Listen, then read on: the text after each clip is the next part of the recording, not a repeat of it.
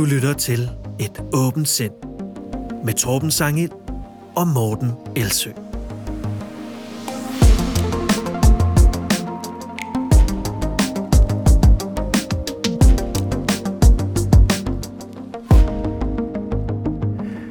I dag der skal det handle om flertydighed og om forsimpling, som er to af de fejlslutninger, man tit støder på i debatten. Ikke mindst når videnskaben den skal fornægtes. Inden da, der har vi nogle nyheder og jagttagelser fra feedet, der alle sammen handler om bivirkninger ved coronavaccinerne. Men øh, allerførst, Morten, så vil du komme med en lille rettelse. Ja, og det er faktisk en øh, rettelse til en rettelse. I øh, seneste afsnit, der talte jeg igen om Nobelpristageren Carrie Mullis, hvis påståede udtalelser om PCR-test er blevet brugt som bevis på, at de slet ikke virker. Hvilket altså er helt forkert. Øh, men i den forbindelse kommer jeg til at sige, at han havde været med til at opfinde PCR-tests. Altså dem, vi øh, siden pandemiens start har brugt til at diagnostisere coronainfektioner med. Men det har han ikke. Det, han fik Nobelprisen for, var opfindelsen af PCR-teknikken – det er altså en generel teknik til øh, automatiseret eksponentiel opformering af øh, genomisk materiale fra prøver med minimale mængder, som man så efterfølgende kan studere det. Det, var, det lød meget kompliceret. Det, det, det, det, kan, det, kan det forklares i øh, hverdagssprog, hvad det er for en teknologi? Jamen det er, hvis du har meget, altså hvis du har en prøve med en lille smule DNA eller RNA i, øhm, så, som du gerne vil studere, gerne vil undersøge, hvad, øh, hvad er der genetisk kode af, så skal du tit bruge noget mere end det. Og der er det bare en automatiseret proces til at opformere det, altså lave rigtig meget af det samme, altså lave kopier af det i kæmpe, kæmpe store mængder. Øhm, mange folk øh, større mængder end det. Tak. Så du kan bruge det derefter. Det forstår jeg. Det var godt. Øhm, teknikken den er så sidenhen blevet øh, forfinet og udvidet til brug i mange forskellige sammenhænge, blandt andet altså også til at finde ud af, hvilken virus man er inficeret med, ud fra en prøve indeholdende ganske lidt DNA eller RNA. Øhm, det kan måske virke som en ligegyldig detalje, om han var ophavsmand til PCR-teknikken eller PCR-test, men nogle gange så kan sådan nogle detaljer være med til at skabe grobund for misforståelse og misinformation. Yeah. I det hele taget så er, det rigtig, er der rigtig meget af den misinformation, der spredes, der blandt andet øh, startes af sådan ikke fagfolks fejlagtige læsning af faglitteratur. Djævlen er, som bekendt, i hvert fald nogle gange, i detaljerne. Øh, tak til Jørgen Martin Hayek for endnu en gang at gøre os opmærksom på en fejl.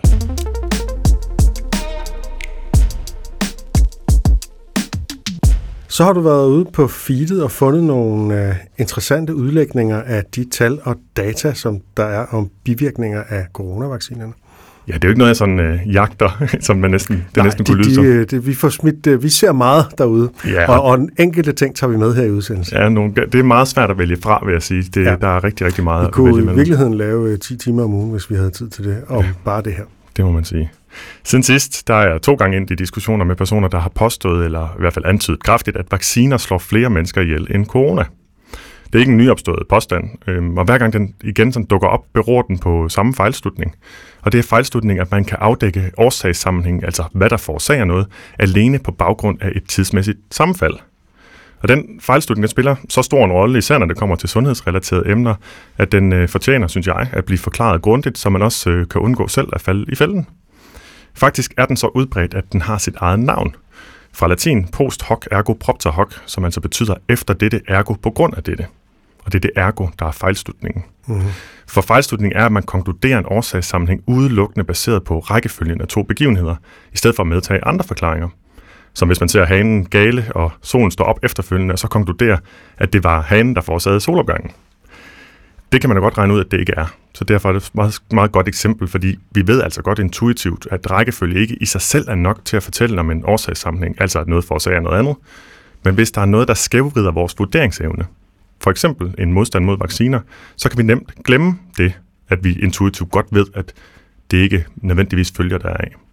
Så vi ser en rækkefølge, som rigeligt fyldesgørende argument som en smoking gun, måske fordi det virker som om, at der allerede er masser af argumenter for, at vaccinen er farlig, forestiller jeg mig, det kan være i hvert fald. Måske også fordi, at død efter bare generelt lyder som død af. Jeg ved ikke, om du har tænkt over, at det i sig selv skaber grobund for, for den fejlslutning. Jo. Ja. Nå, men en af diskussionerne startede, fordi jeg havde fået tilsendt et opslag ret mange gange på Instagram fra en profil, hvor afsenderen blandt andet skrev følgende, og jeg citerer eller læser op. I dag har jeg set tal fra SSI, altså Statens Serum Institut, fremkommet gennem agtindsigt. 5.674 danskere døde inden for 30 dage, efter de har modtaget den anbefalede sprøjte. Tallet er fra, fra perioden december 2020 til 30. september 2021. Altså på lidt over ni måneder har vi mistet cirka dobbelt så mange danskere i forhold til de 2.725, der er døde inden for 30 dage fra en positiv test, altså med corona. Der står også noget mere, men jeg tror, jeg stopper citatet her. Kvinden bag opslaget laver altså den slutning, at fordi 5.674 danskere døde inden for 30 dage efter vaccination, så de døde på grund af vaccination. Altså en klokkeklar post hoc fejlslutning. For det er kun rækkefølgen, hun bruger som argument. Ja. I det, hun gør det, så ignorerer hun nemlig alle de andre årsager til, at man kan dø inden for en 30-dages periode. Årsager, der jo ikke forsvinder, blot fordi man er vaccineret. Med andre ord, for at det skulle være så simpelt, altså at vaccinerne havde forårsaget alle de dødsfald, så ville det kræve, at ingen mennesker døde af noget som helst andet i den periode. Og det, der dør jo altså gennemsnitligt omkring, var jeg så tjek, 54.000 danskere om året. At mennesker også dør i måneden efter de har fået en vaccine, er ikke bare forventeligt, det er fuldstændig uundgåeligt, og fortæller altså intet om, at vaccinen i sig selv er årsagen. Og man skal også huske på, at langt de fleste af dem, der er blevet vaccineret, især i den første periode, det er jo øh, ældre mennesker, der øh, har det med at dø på et eller andet tidspunkt. Ja, og tallet for, hvor mange der er døde i en periode efter vaccination, vil jo samtidig være naturligt højere i en population, hvor mange er vaccineret, simpelthen fordi man tæller blandt en større gruppe mennesker. Og som du også netop siger nu her, også især hvis der er rigtig mange ældre mennesker blandt de vaccinerede. Det skrev jeg også i en længere kommentar til hendes opslag, som jeg sluttede af med at forklare, at, øhm, og det er så citat, det der kan give os et indblik i, om vaccinen rent faktisk øger dødeligheden, er, om der er flere, der dør blandt vaccineret, end blandt en tilsvarende gruppe, der ikke er vaccineret. Og det er ikke tilfældet. Tværtimod så ved vi jo, baseret på analyser, der netop sammenholder sammenlignelige grupper af mennesker, der enten er eller ikke er vaccineret, at vaccinerne beskytter mod især svær sygdom, indlæggelse og død som følge af coronavirus. Men er det ikke det samme tidsmæssige sammenfald mellem coronainfektion og død, der har givet anledning til vurdering af, hvor mange der er døde af corona? Kunne man så med rette tænke? Så det er sådan en lille retorisk spørgsmål, eller spørgsmål, jeg stiller mig selv. Øhm, og det er jo faktisk, øh, det er jo faktisk cirka samme måde, man har opgjort coronadødsfald på.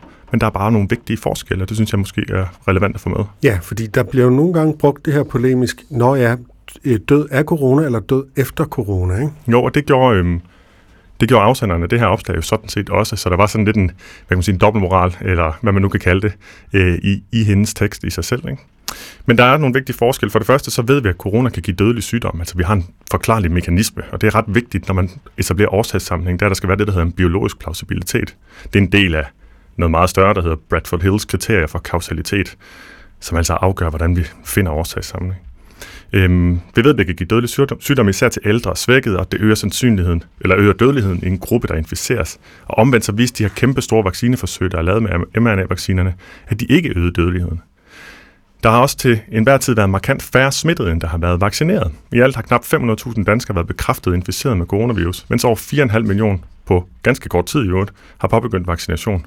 Død efter smitte er dermed i sig selv en bedre indikator for død af smitte, end død efter vaccination, efter vaccination i sig selv.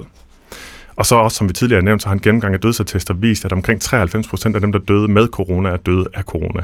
Og det synes jeg er meget vigtigt, fordi det er noget, som man virkelig kan bruge derude, når, der, når man møder den der påstand, hvad man tit møder fra vaccineskeptikere øh, og coronaskeptikere, at, øh, altså, at øh, ja, men altså, det, det er jo bare folk, der er døde af et eller andet. Mm. Vi ved ikke, om de er døde af corona. Det er rent faktisk blevet undersøgt, og 93 procent af dem, der er døde efter corona, er døde af corona. Det er simpelthen blevet tjekket. Vi har mm. talt om det i en tidligere udsendelse, ja, og, og har vist også linket til den undersøgelse. Og det minder jo egentlig om det emne, som vi skal tale om øh, senere, nemlig forsimplinger. Altså at man tror, at det er simpelt at afgøre øh, årsagssammenhænge.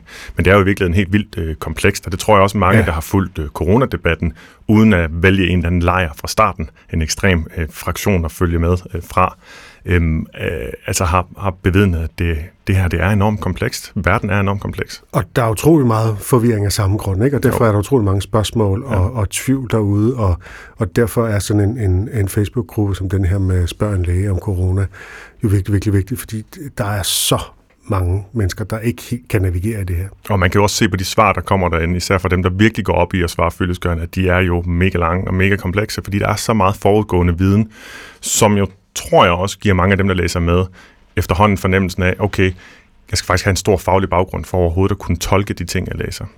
Nå, men øh, tilbage til diskussionen på Instagram. Jeg fik et svar, der er mest talt udenom, som så ofte før, men som også bragte en anden kending øh, på banen det amerikanske bivirkningsindrapporteringssystem, VAERS, det ved jeg ikke, om du har hørt om. Øh, det står for Vaccine Adverse Events Reporting System, og er, ganske kort fortalt, et sted, hvor man kan indrapportere uønskede hændelser opstået efter vaccination.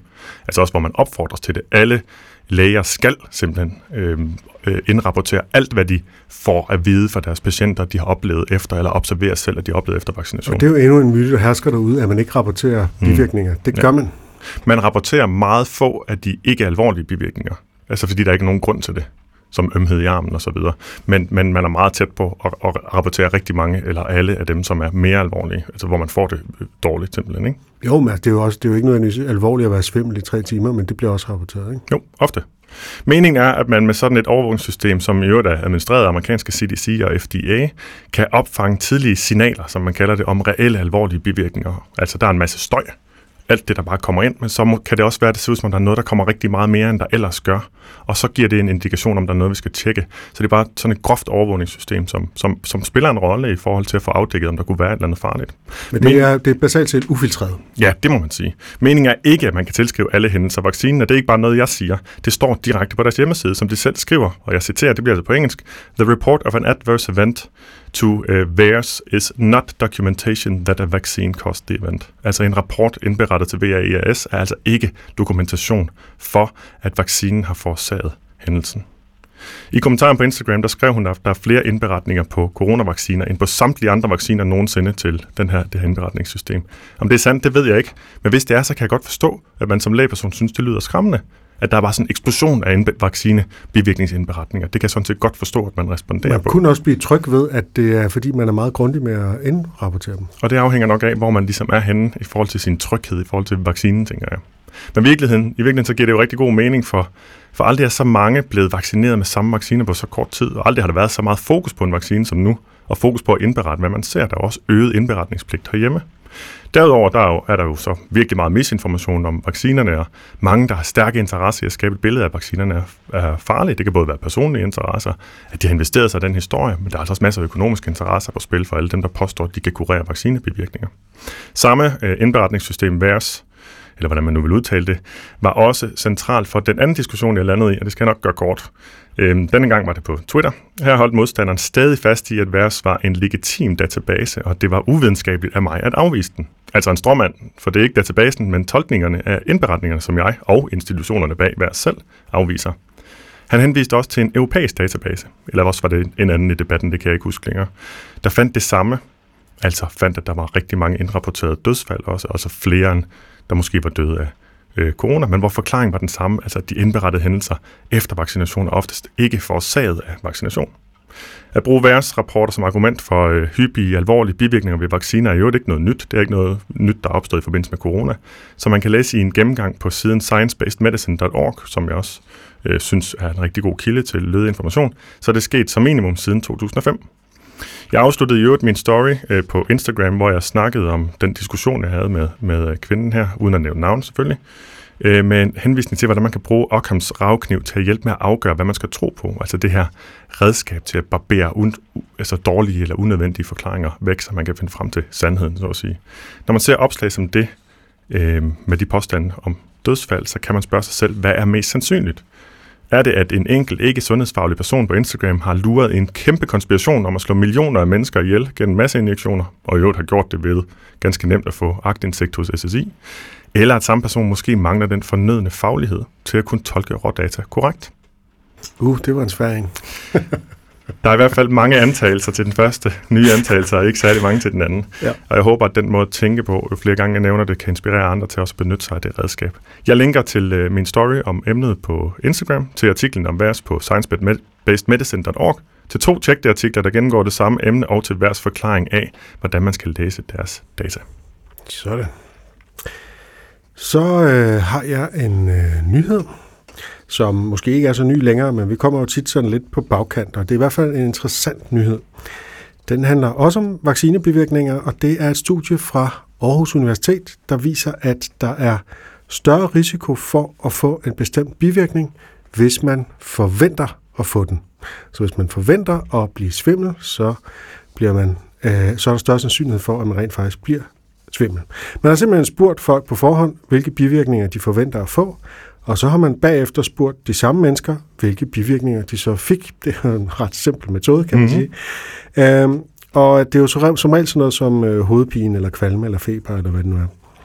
Øhm, dem, der forventede at få bivirkninger, de fik altså statistisk set langt flere bivirkninger, og de fik også i højere grad de bivirkninger, som de forventede at få. Det knytter an til det, som man kalder for nocebo-effekten, som er det modsatte af placebo på sin vis, men det er også det samme. Det er nemlig det, at det ikke kun er forventningen om en medicinsk virkning, der har en effekt, men også forventningen om en bivirkning. Jeg skal dog lige understrege, hvad svagheden ved sådan et studie her er, nemlig at folk jo selv rapporterer deres bivirkninger, og at man måske har en bias mod at overdrive en bivirkning, hvis man på forhånd har sagt, at man havde den. Ikke? Hmm. Ja, så det er i sig selv øges, altså at man har lyst til på en eller anden måde at hænge, have en ja. sammenhængende fortælling. Det er ikke nødvendigvis for at snyde, men man er måske bare mere tilbøjelig til at mærke en kvalme, fordi man søger efter den. Har jeg ah, nu kvalme? Stiller man sig spørgsmålet, mens hvis man tænker, at jeg har nok nogle bivirkninger, så kan man måske have en lille ansats til en kvalme, som man ignorerer, fordi den er ingenting. Den er under bagatelgrænsen. Ikke? Hmm. Øh, men det er jo altså, der, der er sådan en, en lille, men vigtig forskel mellem at, at øh, at man rapporterer en bivirkning, som andre vil ignorere, fordi den ikke er så voldsom, og så på den anden side, at man faktisk fysisk set oplever en voldsom kvalme. Så den usikkerhed vil jeg bare lige nævne, men, men ellers er det et, et interessant studie, der også bekræfter den her nocebo-effekt, som du også har noget at sige om, Morten. Ja, altså i det hele taget, jeg synes, jeg vil gerne udfolde det lidt, for jeg synes, det er så vigtigt at være opmærksom på, for det kan spare en for rigtig mange andre øh, fejlslutninger andre steder også. Altså i det hele taget, så påvirker vores forventninger vores oplevelser helt enormt meget. Der kan du også sige, at det kan også påvirke i sådan en grad, så vi vi får, altså at det, det bliver en effekt også af, at jeg har sagt, at jeg måske får den effekt. Altså det, det har lidt en dobbelte effekt måske derovre i det studie, eller det er i hvert fald en mulighed. De fleste er jo bekendt med placeboeffekten, som i sin enkelhed er en forventningseffekt, altså en effekt af forventningen. Forventningen om smertelindring eksempelvis, det skaber oplevelse af smertelindring. Øhm, og jeg nævner smerte her, fordi det er en af de oplevelser, der er særligt sensitiv over for forventning, blandt andet fordi, at smerte altid har en psykologisk komponent, som en, jeg kender, der har øhm, forsket i, eller har forsket i smerte også snakker om, smerte øh, skal altid forbi hjernen. Øh, og på den måde så er der altid en fortolkning øh, involveret. I det hele taget så er det generelt de meget subjektive oplevelser, som for eksempel smerte og kvalme, som du også er inde på, svimmelhed, der har påvirkelige placeboeffekter. Der er mange, der tror, at placeboeffekter har sådan næsten en helende, kan have en helende effekt på kroppen, men det er altså stort set kun de subjektive, eller det er kun de subjektive effekter, som der er evidens for, at det påvirker.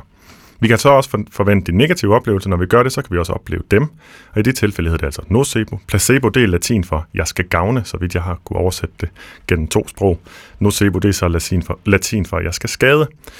Når man skal undersøge, om noget har en effekt på os, altså positiv eller negativ, så er man derfor nødt til at frasortere alle forventningseffekter, så vidt muligt, hvis man skal have så rent et resultat som muligt i hvert fald. Det gør man ved at dele sine forsøgspersoner op i to grupper, der er så identiske som muligt, og så give den ene gruppe det, man tester, mens den anden gruppe får noget, der ligner, men ikke er. Altså får illusionen om, at de får en anden behandling, eller bliver udsat for et eller andet. Øhm, ingen ved, hvilken gruppe de er i, og de er blindet, som det hedder, øh, overfor om de får behandling eller placebo-behandling.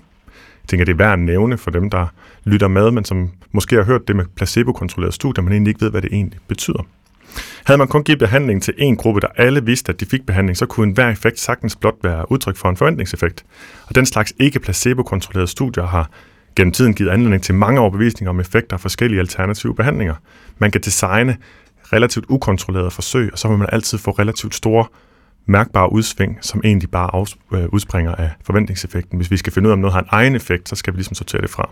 I veludførte, blindede og placebo-kontrollerede forsøg, der skal effekten af en behandling altså ikke bare være større end ved ingen behandling. Den skal være større end ved forestillingen om, at man er blevet behandlet. For man har også forestillingen, når man får behandlingen, så det, det skal ligesom trækkes fra på begge sider af lighedstegnet. Når man ligesom man i dag er bevidst om, at positive forventninger skaber positive oplevelser, ved man også, at negative forventninger skaber negative oplevelser, som det der studie, du bragte op, jo var et godt eksempel på, måske i hvert fald. Fra mit fagområde tænkte jeg, det kunne være godt at have et par eksempler fra ernæringsvidenskaben, der ja. viser forsøg eksempelvis, at hvis man tror, man er overfølsom over for gluten, så får man mavetarmsgener, når man tror, man får gluten, uanset om der er gluten i det, man får, eller ej, altså hvis man kan blinde det. Ja. Ja. Og hvis man tror, man er overfølsom over for sødemidlet aspartam, øh, som der eksisterer rigtig mange myter om også, så kan man blive svimmel og få hovedpine, kvalme og stoppet næse, når man spiser noget, man tror indeholder aspartam. Igen, uanset om det gør det eller ej. Det har jeg skrevet et Instagram-opslag om, som jeg lige linker til, da det indeholder adskillige kilder. Erfaringsmæssigt så ved jeg også, at mange har de forventninger, fordi de læser øh, og har læst pseudovidenskabelige artikler og anekdoter om det på nettet. Historierne skaber simpelthen forventningen. Det er derfor også forventet, at jo flere historier, der eksisterer om vaccinebivirkninger, som der jo gør nu, jo flere vil opleve subjektive symptomer.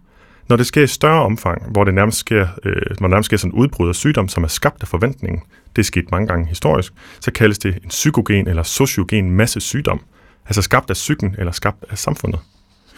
Øh, der er også nogen, der kalder det massehysteri, og det gør så, at alle, der hører ordet, lukker fuldstændig i for, om de kunne falde ind under det, fordi det lyder så øh, nedværdigende og stødende på nu en vil jeg så sige, at, at det medicinske, den medicinske historie for begrebet hysteri, den er dybt problematisk. Ja, det må man sige, absolut. Ja, hysteri kommer fra hystera, som er noget, man betyder kvinde, så det er Ja, bare det- kvindelig. yes, yes, ja, den er yes. helt gal. Der, det er især noget, der opstår i en adskilt gruppe, altså den her sådan øh, psykogen massesygdom eller sociogen massesygdom. En adskilt gruppe, der er særlig udsat for information, der bekymrer dem, eller særlig modtagelig over for information, der bekymrer dem. Så nu begynder det at handle lidt om vacciner igen. Ifølge det, jeg har læst, så kan angsten for sygdom, øh, undskyld for ja, sygdom og symptomer give anledning til alt fra åndenød og svimmelhed, mavetarmgener og smerter, til reelle sådan krampeanfald, nærmest epileptiske af udseende, og endda tydelige objektive udslæt. Jeg henviser til en dansk artikel om øh, psykogen massesygdom for ugeskrift for læger, skrevet journalist Claus Larsen, men pointen er bare, at i en situation, hvor der i forvejen spredes masser af frygtskabende misinformation om vacciner og anekdoter, der både kan være sande og opdigtet, men altid er overbevisende, som vi har været inde på mange gange, så må man forvente, at der vil være nogen, der oplever forskellige symptomer, simpelthen på grund af deres negative forventning. Det skaber igen flere historier, der skaber mere angst og flere negative oplevelser. Har du øh, oplevet bivirkninger af, af de her coronavacciner? At den sygeste lammer, skulle jeg lige så sige, i mine skulder, der er blevet Ja, ja, du- vaccineret. du- du havde ondt i skulderen Jeg ondt i skulderen, efter. og det var det eneste. Jeg havde en lille smule svimmelhed efter det første stik, og ingenting efter det andet. At bare et par timer var sådan lidt, og det kan netop godt være indbildt eller sådan noget. Ikke? Altså, jeg har tendens til svimmelhed. Så jeg vil også vide, at hvis jeg blev svimmel inden for et par timer eller et par dage, så vil jeg også vide, at det behøvede jeg ikke, øh, det kunne jeg ikke automatisk tilskrive vaccinen, hvis det var.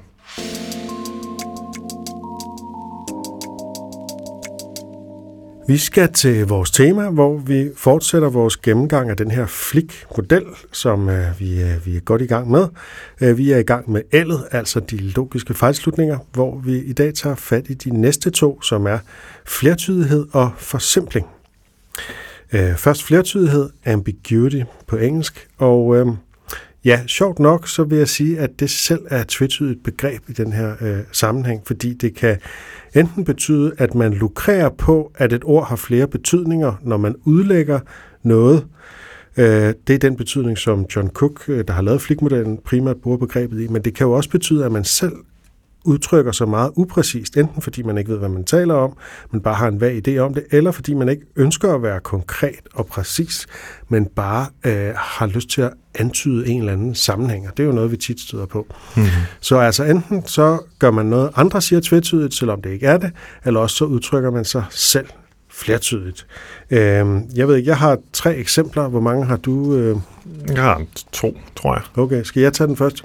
Ja, det synes jeg. Og så vil jeg lige understrege, bare lige for god ordens skyld, at de her øh, fejlslutninger, de falder under, fordi det er flikmodellen, så handler det altid om øh, fornægtelse af videnskab. Der findes mange andre fejlslutninger, og den fejlslutning, jeg var inde på før med post hoc ergo propter hoc, den findes jo alle mulige steder, hvor det ikke som sådan er et forsøg på at fornægte videnskaben, Klart. øh, bevidst eller ubevidst. Det er, jo så, det er så dem, der er valgt ud øh, her til den model, det er dem, som bruges til det formål, igen, Ja, ja. bevidst eller ubevidst. Men vi kan jo godt tillade os indimellem at komme med eksempler, der ligger uden for det rent videnskabelige. Ja, det tror jeg, jeg gjorde sidste gang. Yes.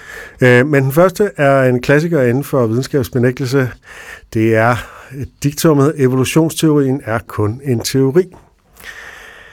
Der benytter man sig helt aktivt øh, og nærmest med vilje, tror jeg, af, at ordet teori kan forstås på flere måder. Altså man anerkender ikke, at det videnskabelige begreb om teori, det er noget helt andet end sådan en spekulativ teori eller hypotese, mm. som er den øh, betydning, man bruger det i.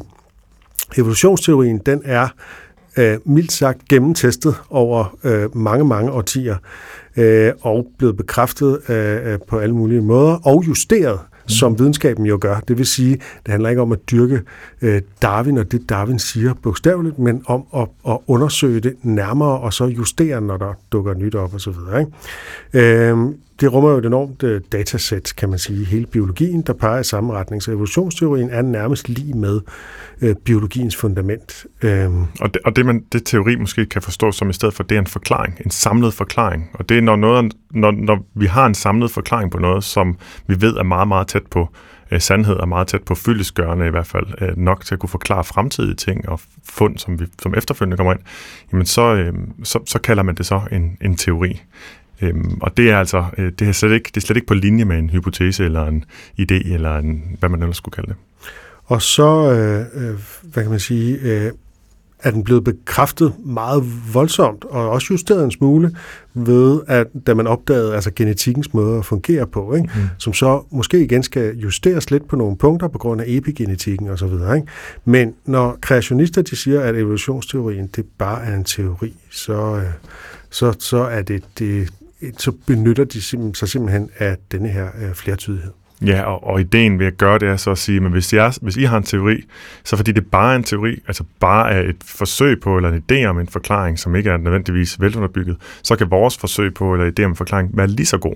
Altså man egentlig sidestiller to forklaringer, som ja. overhovedet ikke er lige gode. Så bliver intelligent lige... design, det bliver sådan en alternativ, og det er jo, det er jo så hele også øh, formålet, det er, at der skulle øh, undervises ligeligt i evolutionsteori og kreationisme i skolerne. Ikke? Jo, og, og, og så det bliver formålet med at lave det tvetydigt, eller flertydigt, at, at så er alt lige godt, så er alle forklaringer lige gode, øh, som er det, der bliver det videnskabsfornægtende element øh, i det. Og her der bliver det jo gjort, når du taler om intelligent design og det med at få undervist i det i skolerne, øh, så er det fordi, der er en, en politisk øh, eller en eller anden form for agenda, og der er det jo aktivt, at det bliver brugt, må man formode. Jeg tror også, der er mange, der simpelthen bare øh, netop ikke ved, at det videnskabelige ord Øh, begreb teori er noget andet, end hvad vi snakker om, når vi bruger ordet teori i alle mulige andre sammenhænge. Ja, så man bruger altså så flertydighed sådan generelt til at sprede tvivl om øh, etableret videnskab, selv hvor der ingen øh, er, eller hvor den er forsvindende lille. Der er også et enkelt eksempel, øh, eller i hvert fald noget, jeg stødt på nogle sætninger, som videnskaben kan jo ikke vide noget med sikkerhed, eller videnskaben ved jo ikke alt som om, at hvis videnskaben ikke ved alt, så er alle holdninger, alle påstande øh, og alle idéer, alle teorier i den gængse forstand øh, øh, lige, lige så gode, som hvad videnskab måske har fundet. Men det, at man ikke er sikker på noget, betyder ikke, at man ikke ved øh, meget om det. Jeg kan huske, at jeg så en samtale en gang øh, øh, i noget, der hedder Intelligence Squared, hvor de laver sådan nogle debatter, hvor det handler om, hvorvidt der var et liv efter døden.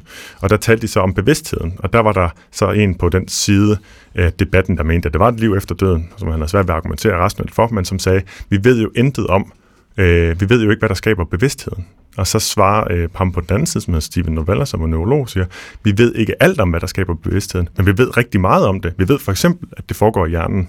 Vi ved, at uden hjernen, så er der ikke nogen bevidsthed. Vi ved også, at hvis hjernen er skadet nok, så er det også, øh, forsvinder bevidstheden også, så det er også noget at gøre med det. Vi ved, at bevidstheden er noget, hjernen skaber, og vi ved også rigtig, rigtig mange andre ting om det. Så det, at man ikke ved alt om, hvad der skaber bevidsthed, betyder ikke, at vi ikke ved meget om det. Og derfor betyder det heller ikke, at alle forklaringer er lige gode. Videnskaben arbejder jo generelt bare ikke med ord som bevis eller begreber som 100% sikker. Der er sådan ligesom sådan, hvad kan man kalde det, en filosofisk eller metafysisk idé om, at vi ved intet med 100% sikkerhed.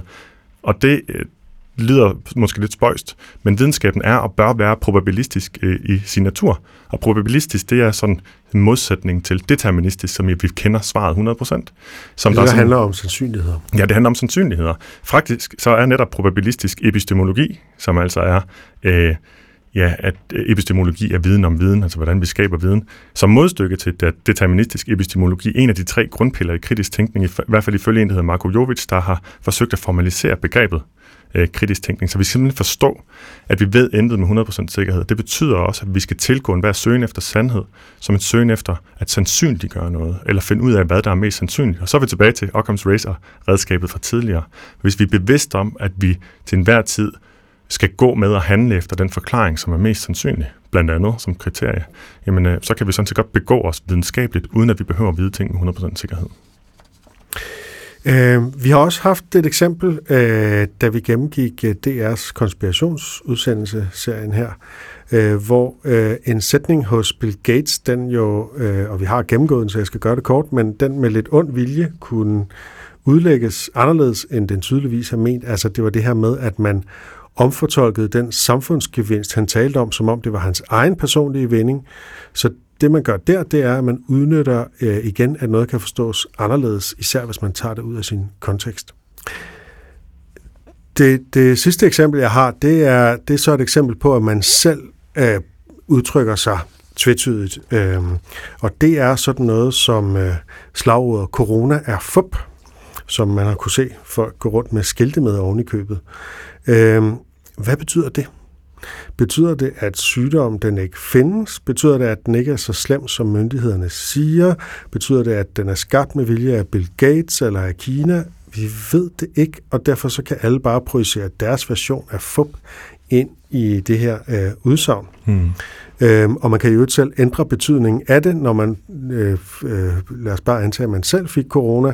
Efter man havde sagt, at corona er fup, så, så ændrer man bare betydningen af, hvad det skulle betyde. Ja, det kan være, at vi skal lave en episode om det på et tidspunkt, nemlig vagt sprogbrug, hvor man altid sådan ligesom kan flytte sig øh, væk fra påstanden, øh, ja, hvis, man, kunne, hvis den bliver påtalt. Vi kunne lave en gang om det, der hedder bullshit.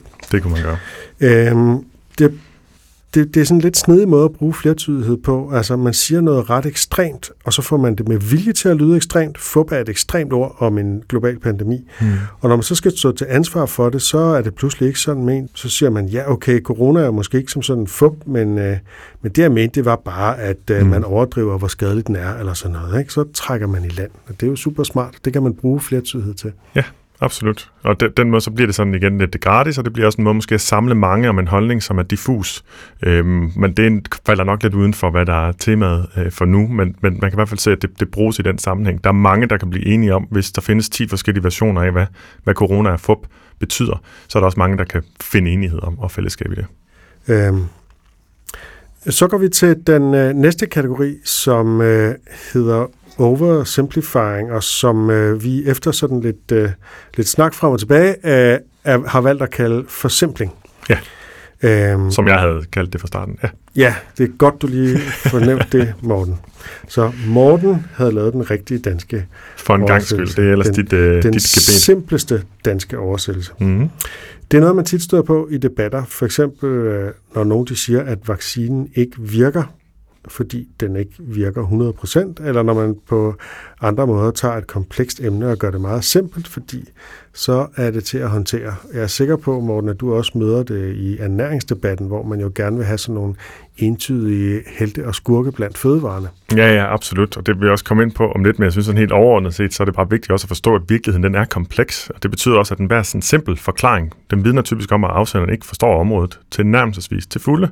Så når man just nu som vi alle sammen på rigtig mange områder bliver nødt til at gøre, hvis vi gerne vil holde os oplyste, skal lede efter nogle kuratorer af information eller nogle formidlere, så skal man bare være opmærksom på, at øh, jo mindre man ved om et emne, jo simplere virker det. Så det vil altså sige, at dem, der får det til at fremstå, som om det er simpelt, de er nok ikke egentlig de bedste sådan, øhm, kilder til information. Lad os kigge på de to underkategorier, som Flick-modellen fremhæver. Den første, øhm, som kan hedde to ting, der kan hedde forced choice eller forced dichotomy. Jeg har valgt at kalde den falsk dikotomi. Du har vist nok valgt at kalde den falsk valg. Øh, sagen er, at, at, at dikotomi er sådan det mere præcise begreb, men det er jo selvfølgelig også et fremmedord, men det handler om, at der kun er to valgmuligheder. Du skal mm. vælge enten det ene eller det andet, som, som en, en gaffel, der forgrener sig ud i to. Der er ikke nogen mellemformer. Det er det, der er øh, udgangspunktet. Og jeg har brugt falsk dikotomi i undervisningssamling. Jeg har undervist i det i øh, fem år, øh, det, det begreb, og jeg har startet med at prøve at definere det. Og hver gang jeg gør det, det er så også typisk en fredag aften til mine egne kursister, der sidder folk og ser sådan en lille smule blanke ud i øjnene. Og så prøver jeg at starte med noget, der er sådan lidt mere simpelt, nemlig et begreb, som man kunne kalde sort-hvid tænkning. Ja. Øhm, og så bagefter eventuelt krydder det med at fortælle, hvad er så den tekniske term for det, og der er så valgt at gå i din retning her, så kalde det et falsk valg i det her tilfælde, fordi det stod øh, derinde, men dikotomi betyder egentlig bare, at man opdeler noget, man skærer noget over. Ja. Dikotomos kommer det så fra græsk, at man skærer noget over i to dele, så de ligesom er gensidigt udelukkende, men også til sammen udgør et hele, og dermed at verden bare er forsimplet og kun er det ene eller det andet. Så man opstiller en præmis om, at der kun er to muligheder, Enten er du med os, eller også er du med terroristerne, som George Bush engang sagde. Øh, det er jo sådan et eksempel fra den politiske verden. Ikke? Der er måske en lang række af muligheder, hvor man altså øh, ikke blindt støtter øh, Bushes krig i Irak og Afghanistan, men heller ikke på nogen måde støtter, støtter terroristerne. Så han prøver retorisk at lave sådan et, et øh, falsk valg eller en falsk dikotomi. Der er kun to muligheder. Du skal enten gå, gå blindt med os, eller også så er du med de andre. Ikke? Jo. Øh, der er selvfølgelig en masse gråzoner, som ikke kan, kan rummes i den falske dikotomi. Ja, og det er jo de gråzoner, som videnskaben typisk kommer og prøver at fortælle en om, men når man så øh, tror, at det kun er enten eller, det ligger i den ene af to ekstreme lejre, øh, det man skal tro på, ja, så bliver man nødt til at fornægte alt det, der ligger imellem. Man bliver nødt til at fornægte alt det, der går imod, eller det, som nuancerer. Fordi for den sort-hvid tænkende, der vil nuancer altid være fjenden. Så man bliver nødt til at bekæmpe nuancerne også, øh, og dermed bekæmpe en masse faktuelle, øh, rigtige, øh, altså videnskabeligt baserede påstande og viden og ting, vi har fået indsamlet forskellige steder, skal man simpelthen fornægte for at kunne fastholde den her forsimplede øh, idé om, hvordan virkeligheden hænger sammen. For min verden, som du var inde på øh, tidligere, så er der rigtig mange, det er jo faktisk sådan en grundmyte, grundmadmyte, hvis man kunne kalde det sådan i samfundet, at enten så er noget mad sundt, eller også er det usundt. Uanset som jeg har nævnt før også, uanset uh, mængde og uanset kontekst, altså hvad man ellers har spist. Og det ved vi godt, alle der har læst ernæring ved godt, at så simpelt er det jo ikke. Du slår jo ikke op i en ernæringsfagbog, og så de første 150 sider, det handler om alle de usunde fødevarer, de næste 150 sider handler om de sunde fødevarer. Det er jo at prøve at finde ud af, på hvilken måde påvirker hvilke fødevarer også, i hvilke mængder, i hvilke sammenhæng. Og sammenhæng kan så også godt være, at du spæd, eller er du gammel, eller alle steder, der er midt imellem. Har du allergier eller overfølsomheder? Øhm, har du, hvordan er din tarmflora, kan det også have med at gøre? Hvad har du af sygdomme? Og de genetiske disponeringer osv. Og, og alle fødevarer kan jo være usunde, hvis man overdriver mængden. Ikke selv vand kan du kan få vandforgiftning, hvis du bare drikker vand Alle fødevarer er usunde, hvis du overdriver mængden, for lige at, at, at forstærke det, du helt rigtigt ellers siger. Og der er utrolig mange tvetydigheder. Ikke? Altså, mm. fisk øh, er sundt ernæringsmæssigt, men der er også tungmetaller i, og hvad gør vi ved det? Det er ja. tvetydigt. Det er, altså, det er, det er svært, og det, det bliver svært især, hvis vi har en forventning om, en forestilling om, og et, et behov for, at det skal være simpelt, at det skal være enten eller, så vil informationer øh, meget hurtigt øh, kunne forvirre, og så forsøger man hele tiden, og det er det, vi har sådan lidt tendens til som mennesker generelt, den sådan generelle fejlslutning, øh, som man også kan kalde et falsk dilemma, for nu at bruge endnu en term for noget af det samme, øh, det er, at, at vi har sådan ligesom et behov for at forstå, jamen enten er det sådan, eller også er det sådan, for så kan vi ligesom gå videre. Så er der ikke ting, vi er i tvivl, og så er der ikke ting, vi behøver hele tiden at genbesøge eller tage stilling til. Men øh, det gavner os rigtig ofte ikke alligevel, også fra psykologiens verden, der kalder man det også, som du siger, dikotomisk, øh, falsk dikotomi, men der kalder man så dikotomisk tænkning, måden mm. at tænke på, eller sort-hvid tænkning, som er central for en række forskellige sådan, psykopatologier, øh, for alt fra, også for spiseforstyrrelser til, til skizofreni øh, og til depression og, og angst i øvrigt også. Ikke? Så det er jo en, en, en skidt måde at tænke på, så på den måde er det i sig selv en tankefælde. Og her, når det så benyttes mere man kan sige, aktivt, det ved jeg ikke, om man kan sige, til at placere sig et sted holdningsmæssigt, og så fornægte alt det, der nuancerer den holdning, der bliver det så en videnskabsfornægtelsesstrategi. Øhm, et eksempel, som jeg tit oplever, og som jeg også tror, at du oplever, det er øhm, når man debatterer med konspirationsteoretikere, at enten så skal man give dem ret i, at det hele er en stor konspiration, eller også så er man et ukritisk for. Ja. Altså det vil sige, hvis man er imod deres, øh, eller hvis man kritiserer, øh, eller ikke tror på deres konspirationsteori, så må man være et ukritisk for, der går i takt til Mette Frederiksens øh, mm. fascistiske støvletramp. Øh, hvad nu, eller hvad det nu er, ikke? Øh, hvad nu, hvis, øh, hvis man er meget kritisk, og også over for regeringen, også over for alt muligt, men bare ikke er overbevist om, at den der forklaring, de kommer med, er rigtig. Mm. Øh, det er ligesom om, at der, det er, der er bare de der to muligheder. Ikke? Ja. Øhm, og, og man ser det også med, altså jeg er, er, er ateist, og jeg oplever tit, at religiøse mennesker, de har en idé om, enten er du religiøs, eller også så er du sådan en materialistisk robot, der, øh, Øh, øh, der ligesom bare øh, tror, at det hele kan forklares med en eller anden evolution, og der er ikke nogen værdier, og der er ikke noget, der betyder noget længere. Og sådan noget. Ja. Og alle sådan nogle idéer om, hvordan de andre tænker. Enten tænker du som mig, eller også så er du et eller andet ja. negativt den, den, det er også sådan en, øh, en falsk dikotomi eller sort-hvid tænkning. Ja, det er det, og, og det ligger os alle sammen meget naturligt at forfalde til sort-hvid tænkning, og jeg vil også opfordre til, at man ikke kun tager udgangspunkt i de eksempler, som vi nævner her, som lytter, og så tænker ja, ja, I har ret, men prøv at lægge mærke til det hos sig selv. For vi har absolut en tendens til at ville placere os i en af to lejre, netop tror jeg, det er som min egen hypotese, for at komme tvivlen til livs, og ligesom slippe af med den og sige, nu har jeg sat mig ned her i den her øh, holdningsmæssige øh, lejr, eller holdningsmæssige fællesskab nærmest også. Og så vil jeg helst ikke øh, diskutere de her detaljer.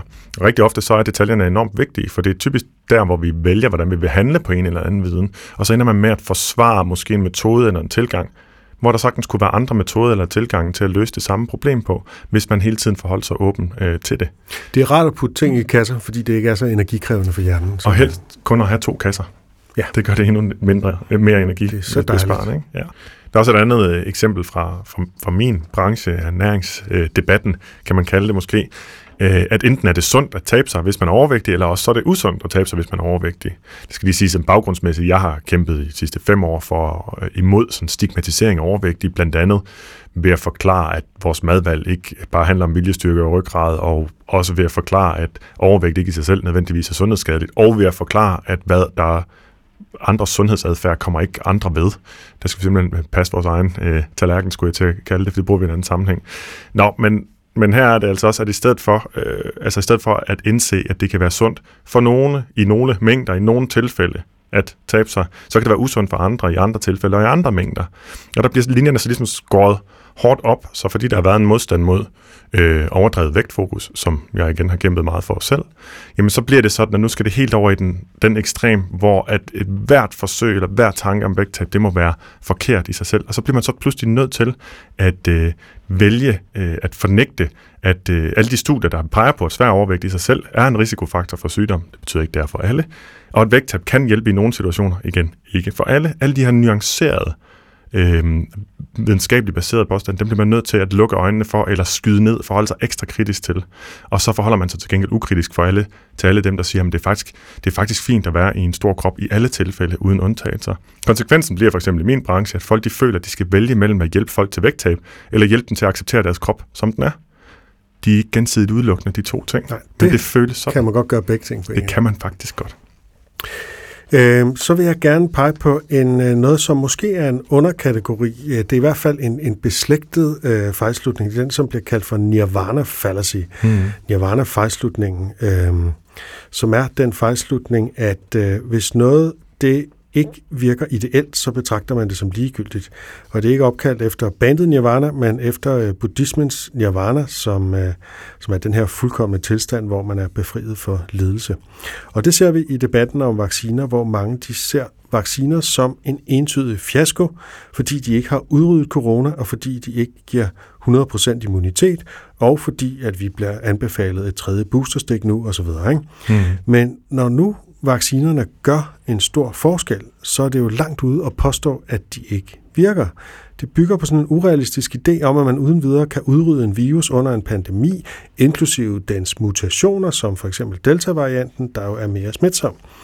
Øhm, og grund til, at det er en falsk dikotomi, det er, at man også kan formulere den på den måde, at enten virker vaccinerne 100%, eller også kan det være lige meget. Ja, eller også virker de ikke, hvis det skal sætte sådan helt på form. Ja. Ikke? ja.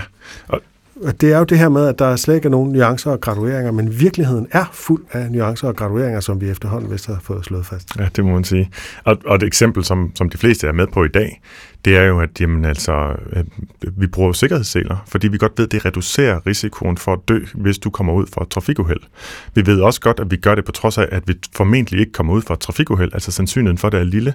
Øh, så vi reducerer risikoen, men ikke reducerer den til nul, for at komme alvorligt til skade i en situation, som at der allerede er relativt lille risiko for øh, at vi ender i. Mm. Så det synes jeg egentlig, sikkerhedssele-eksemplet er egentlig øh, godt som en analogi ja, det er til godt, vaccine. Fordi hvis der, der er jo stadig folk, der dør, selvom de har sikkerhedssele på. Betyder det så, at sikkerhedsselen ikke virker? Nej, det betyder, at den situation, de kom ud for, den var så ekstrem, at selv ikke sikkerhedsselen og airbaggen, hvad ved jeg, ja. øh, øh, kunne redde dem. Ikke? Jo, og tidligere har der været, det skrev jeg om for 100 år siden, da jeg var skribent for Ekstrabladet øh, i øvrigt. Øhm, har du der, været skribent på Ekstrabladet? Ja, jeg tænkte nok, du ikke øh, vidste, at du blev nødt til lige at reagere. der skrev jeg faktisk om, øh, det handlede faktisk om anekdoter som evidens, og øh, hvad der så var sjovt, det var, at jeg fik aldrig lov at vælge titlerne øh, til, mine, øh, til mine indspark. Og det var sjovt at se, hvad for en titel de valgte en overskrift, men anekdoter og evidens, det er ikke noget, der gør det godt i overskrifter. Øh, så titlen blev, Nej. så vidt jeg husker, Pas på livsfarlig sundhed. Sådan. Så var der et, der noget, man skulle passe på. Pointen var, med min artikel var, at en anekdote jo faktisk kan fortælle noget, der er ekstremt misvisende, som jeg ved godt, der ikke er emnet nu, men nu kan vi lige så godt tage den, hvor en, anek- en anekdote tidligere har været noget om, at en person kørte galt i sin lastbil, og så fordi han ikke havde sikkerhedssele på, så fløj han ud gennem forruden og landede tilfældigvis i en stor øh, halmballe og kom overhovedet ikke til skade, mens hans lastbil brændte op, og han var jo blevet brændt i live til han døde øhm, i, i bilen, hvis han havde haft sikkerhedssele på. Og den historie, det vil være sådan noget, der virkelig kan overbevise folk om at jeg tager fandme ikke sikkerhedssele. Man har også hørt om det før, jeg vil ikke sidde fast i bilen, hvis der, hvis der skulle være et uheld. Selvom der så bare er masser af statistikker, som jo altså ikke er historier, men som er tal, og som vi ikke kan forholde os intuitivt til, der fortæller, hvor mange menneskeliv en sikkerhedssele den redder årligt. Lad os uh, gå til den anden variant, som er det, der på engelsk hedder single cause fallacy. Og nu ved jeg ikke, om du har en, en uh, mere elegant dansk oversættelse end uh, en årsags fejlslutning.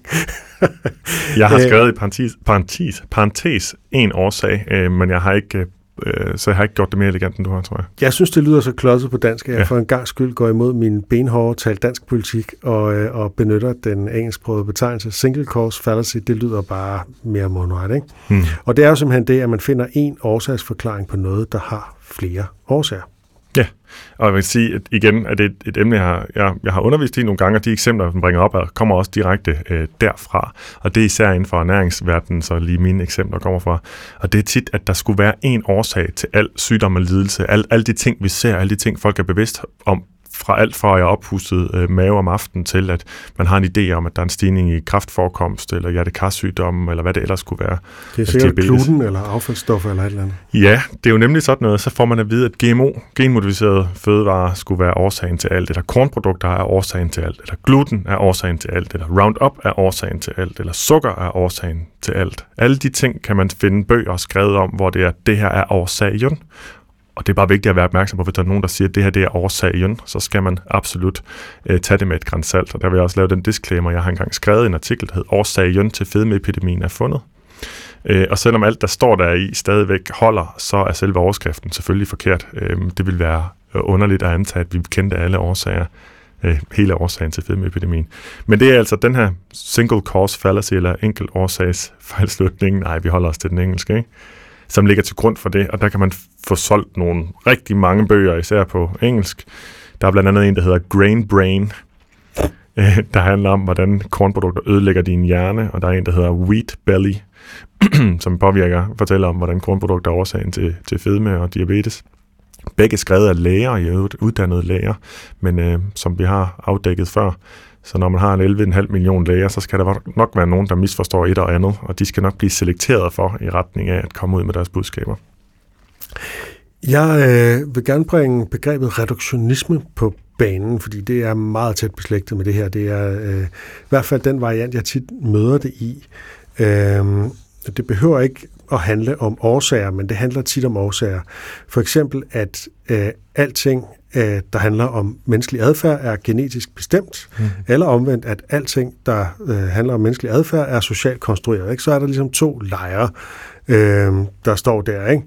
Øh, det kan også være øh, faktisk også, man ser det jo også i forskningsverdenen, altså man ser det blandt helt seriøse forskere, at de har fundet et princip eller en mekanisme, der kan forklare noget.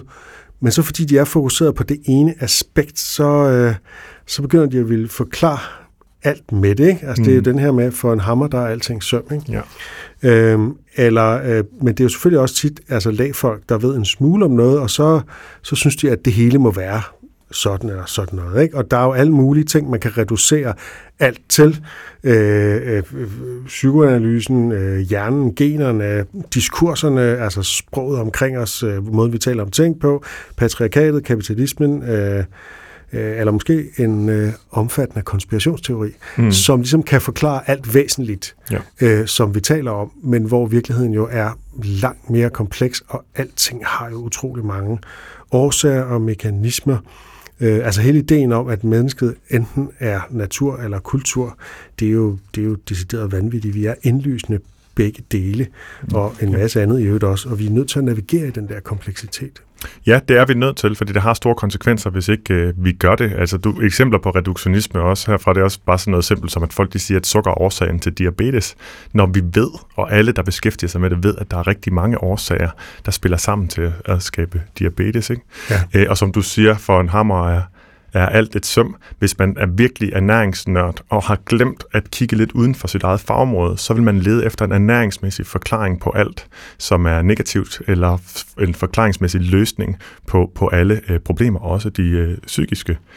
Og i forhold til det sådan samfundsmæssige, så synes jeg, man skal være opmærksom, ikke kun for sin egen skyld, for det er ikke altid ens egen skyld. Det, altså, det er ikke altid en selv, det gavner at prøve at lede efter nuancer og prøve at trives lidt med tvivlen i en længere periode. Men det er samfundsgavnligt, vil i hvert fald være min påstand, for sort-hvid-tænkningen er øh, central for, at, øh, for polarisering. Fordi det er ideen om, at der er to lejre, og ideen om, at der er to lejre, kan afføde, at de to lejre, de ligesom trækker sig mere fra hinanden, og hele det nuancerede mellem øh, lag der øh, imellem, det ligesom øh, fornægtes. Øh, polarisering er grundlaget for ekstremisme, for fanatisme. Øh, så, så jeg synes virkelig, man skal være opmærksom på, som en samfundsmæssig dyd eller pligt næsten, at, øh, være, at altid tænke over, ah, hvad findes der ellers af forklaringer? Øh, hvad kunne gøre, at jeg ikke behøver at være så kategorisk i min tro? Øh, og, og, og, og hvad vil jeg gøre for at sikre mig altid også at tage det med, så jeg ikke selv bliver sort-hvid tænkende kategorisk og absolut. Og det er jo fordi, ligesom at det er rart og trygt for hjernen, at der kun findes to muligheder, så er det også rart for hjernen at finde en forklaring på alting. Det er ligesom, jamen, så behøver man ikke at navigere i den her kompleksitet igen, fordi det er anstrengende, det er energikrævende mm. for hjernen. Øh, til sidst vil jeg lige opsummere de her begreber, vi har slynget om os med, så folk er med, for det kan måske, øh, nu, øh, vi har kastet mange begreber på banen, og det kan måske være svært lige at, at have overblikket. Så først så havde vi flertydighed, øh, som en kategori for sig, som så kunne betyde to ting. Enten at man tolker et begreb hos andre flertydige, og at ens argument bygger på det, eller at man selv udtrykker sig flertydigt, og at ens argument altså lukrerer på den flertydighed. Så var der den anden overordnede kategori. Der var to overordnede kategorier, og den anden er forsimpling, øh, som i selve flikmodellen er underdelt i to, nemlig falsk dikotomi, øh, som jeg, hvor jeg så øh, puttede den her nirvana fallacy på banen som et eksempel på det, og single cause fallacy, og hvor øh, reduktionisme så også hører under. Det var bare for, at man lige fik det overblik. Og med de ord skal vi nu til at lege fup eller fakta.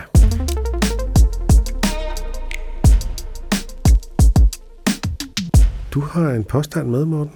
Ja, det er stadigvæk en stor udfordring for mig at, at få øh, fundet ting, der kan påstås på en måde, som, øh, som giver mening til det her. Til Men det du, her, ser ud, du ser meget nydende ud lige nu. Jamen det er fordi, at klokken halv ti går aftes med meget trætte øh, øjne, svine øjne, der fandt jeg noget, som lige før jeg var nærmest ved at give op og ville tænke, kan vi bare droppe det indslag, så fandt jeg noget, som faktisk godt, om ikke andet, passer ind. Øh, jeg tror ikke nødvendigvis, ja, jeg skal ikke sige noget som helst mere, tror jeg. Jeg øh, fyrer egentlig bare en øh, påstand af nu, og så lader jeg dig øh, tænke gerne øh, højlydt, øh, så andre kan følge med i dit resonemang, som det opstår. Det lyder sådan her. Der er cirka lige så mange træer på jorden, som der er stjerner i vores galakse.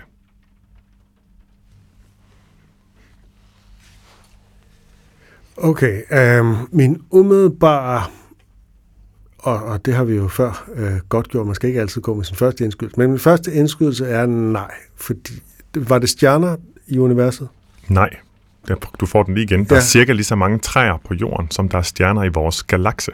Åh, oh, i vores galakse, åh, åh, åh, oh. det er en forskel, fordi ellers så vil jeg sige, universet, langt flere. Vores galakse, Åh, oh, Jesus Christ. Altså, det er jo det her, og jeg tænker, at vi engang skal lave et program om store tal og, og store mængder, fordi det er noget, vi har meget svært ved at navigere i. Og jeg har selvfølgelig ikke en idé om, hvor mange træer der er i verden. Øh, og jeg har hørt tallet for, hvor mange stjerner der er i vores galakse, men jeg kan ved Gud ikke huske det lige nu. Øh, så øh, hvad, hvad søren skal resonemanget være? Altså, øh, der er virkelig mange stjerner i vores galakse, som er Mælkevejen. Øh, der er også virkelig mange træer på jorden, men jeg har stadig en idé om, øh, Påstanden var, at der var flere træer. Nej, der er cirka lige så, cirka, cirka lige så mange. Lige så oh. mange træer på jorden, som der er stjerner i vores galakse. Selvfølgelig med, at der kan være usikkerhed forbundet med begge dele. Nu bliver jeg nysgerrig, og det, du behøver overhovedet ikke svare på det, men det være sjovt, du hvis du kunne komme med et estimat tal. for, hvor mange stjerner du uh, tænker, der er. Jamen, det er... Fordi det tænker jeg, at man har tænkt mere over, end hvor mange træer, men det kan godt være, det er min astronomi bias. Nej, jeg har bare hørt tallet. Jeg har ikke, mm. som sådan, jeg kan ikke rigtig tænke over det, for det er ligesom bare... Nå, nej, nej. Okay. men øh, det er...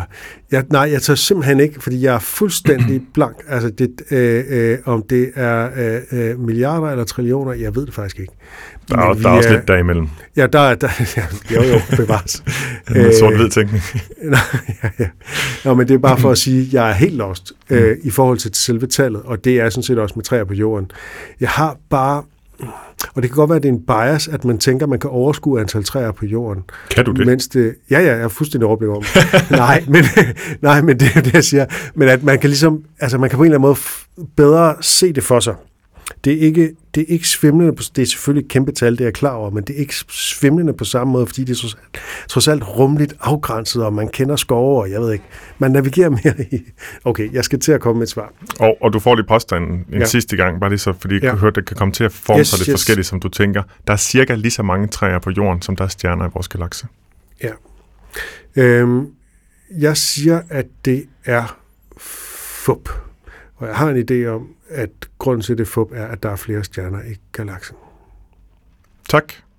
Og øh, det ser jeg som en sejr, men det skal jeg forklare hvorfor, fordi det er fup, så du har sådan set øh, vundet. Men det er omvendt. Eller? Og det var det, jeg sad og tænkte i går. Der har du så jeg håber, at det han nemt får... for mig ved Ja. at, at sige cirka lige mange, for så kunne det gå begge veje. Ja, det har jeg. Og jeg vil rigtig gerne have, at vi begge to vandt på den ene eller den anden måde. Så du har helt klart vundet formelt, og jeg synes også, at det var dejligt, at du lige fik den sidste del med det. Jeg, Er du jeg ikke vidste godt, at, at jeg ikke havde behøvet at sige det, og jeg bare kunne spille cool og sådan Det noget. kunne du. Men det her program handler jo ligesom også om at vise, hvor dumme vi selv er. Ikke? Jo, det var meget dumt, det du sagde der. Nej. Tak. Okay, men lad mig forklare.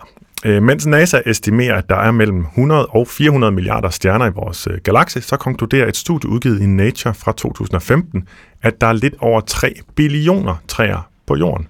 Altså cirka 10 gange så mange som antallet af stjerner i Mælkevejen.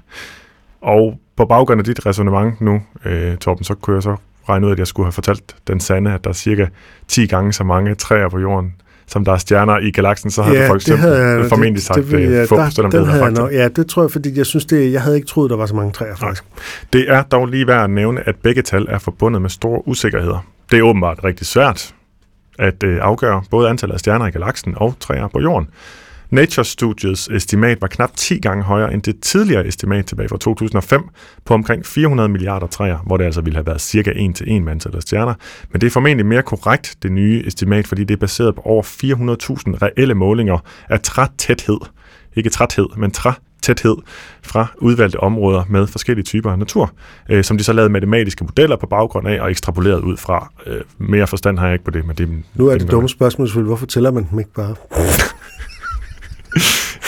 jeg tror ikke, folk har andet at tage sig til. Nej, det kan da godt være. Vi kan sætte nogen til det, som ikke lige ved, hvad det ellers skal.